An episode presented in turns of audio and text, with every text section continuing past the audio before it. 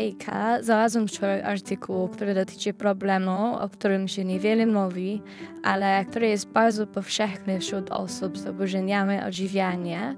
Mówi o zjawisku rzuć i wypluj, który polega na rzucie jedzenia i wypluwaniu go, aby cieszyć się smakiem bez konsumowania kalorii. To dla mnie szokujące serio.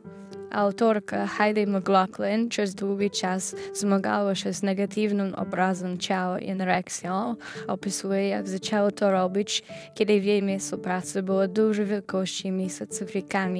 To dla niej była ciągła pokusa i kiedy uległa, odczuwała zarówno chwilowy przypływ dopaminy, jak i późniejsze poczucie wstydu.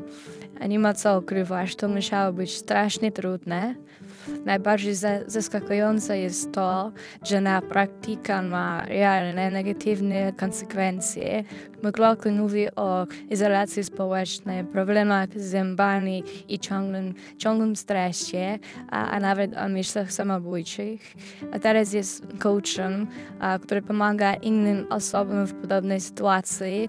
To takie ważne, bo jak wynika z artykułu, problem jest znacznie bardziej rozpowszechniony niż można by sądzić. Nawet specjaliści uważają, że kluczowe jest zwiększenie świadomości na ten temat, co pacjenci, którzy tylko to robią, nie mają innych zaburzeń odżywiania. I co najważniejsze, zjawisko to jest jeszcze mało zbadane i potrzebuje więcej uwagi ze strony naukowców. Warto również zauważyć, że problem rzucia i wypruwania zyskuje na znaczeniu w kontekście pandemii. Zgadza się, pandemia wpłynęła na nasze zdrowie psychiczne, co z kolei wpływa na nasze nawyki żywieniowe.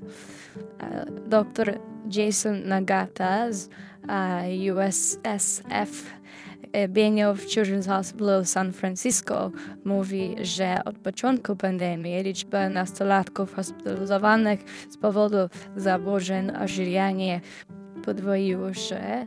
To przerażające statystyki, prawda? I nie tylko anoreksja czy bulimia są tu problemem. Wiele z tych osób stosuje właśnie techniki rzuć i wypluj, co odbija się na ich zdrowiu. Ale co robić, jak sobie z tym radzić? Specjaliści podkreślają, że pierwszym krokiem jest zwiększenie świadomości. Musimy mówić o tym głośno, edukować ludzi. Nie możemy pozwolić, aby takie tematy były tabu.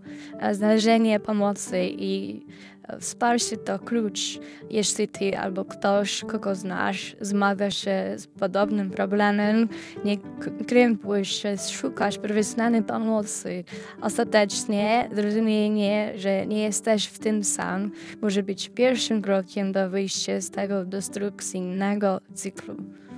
Muszę przyznać, że artykuł naprawdę mnie zaintrygował. Myślę, że to ważne, aby więcej osób wiedziało o tym problemie. Może wtedy więcej ludzi będzie mogło szukać pomocy, wsparcia. Co o tym myślicie? Warto podzielić się tym ze znajomymi, prawda? I to tyle na dzisiejszy, dzisiejszy odcinek Nowości z Karoliną. Bardzo bym chciała poznać Wasze opinie na ten temat.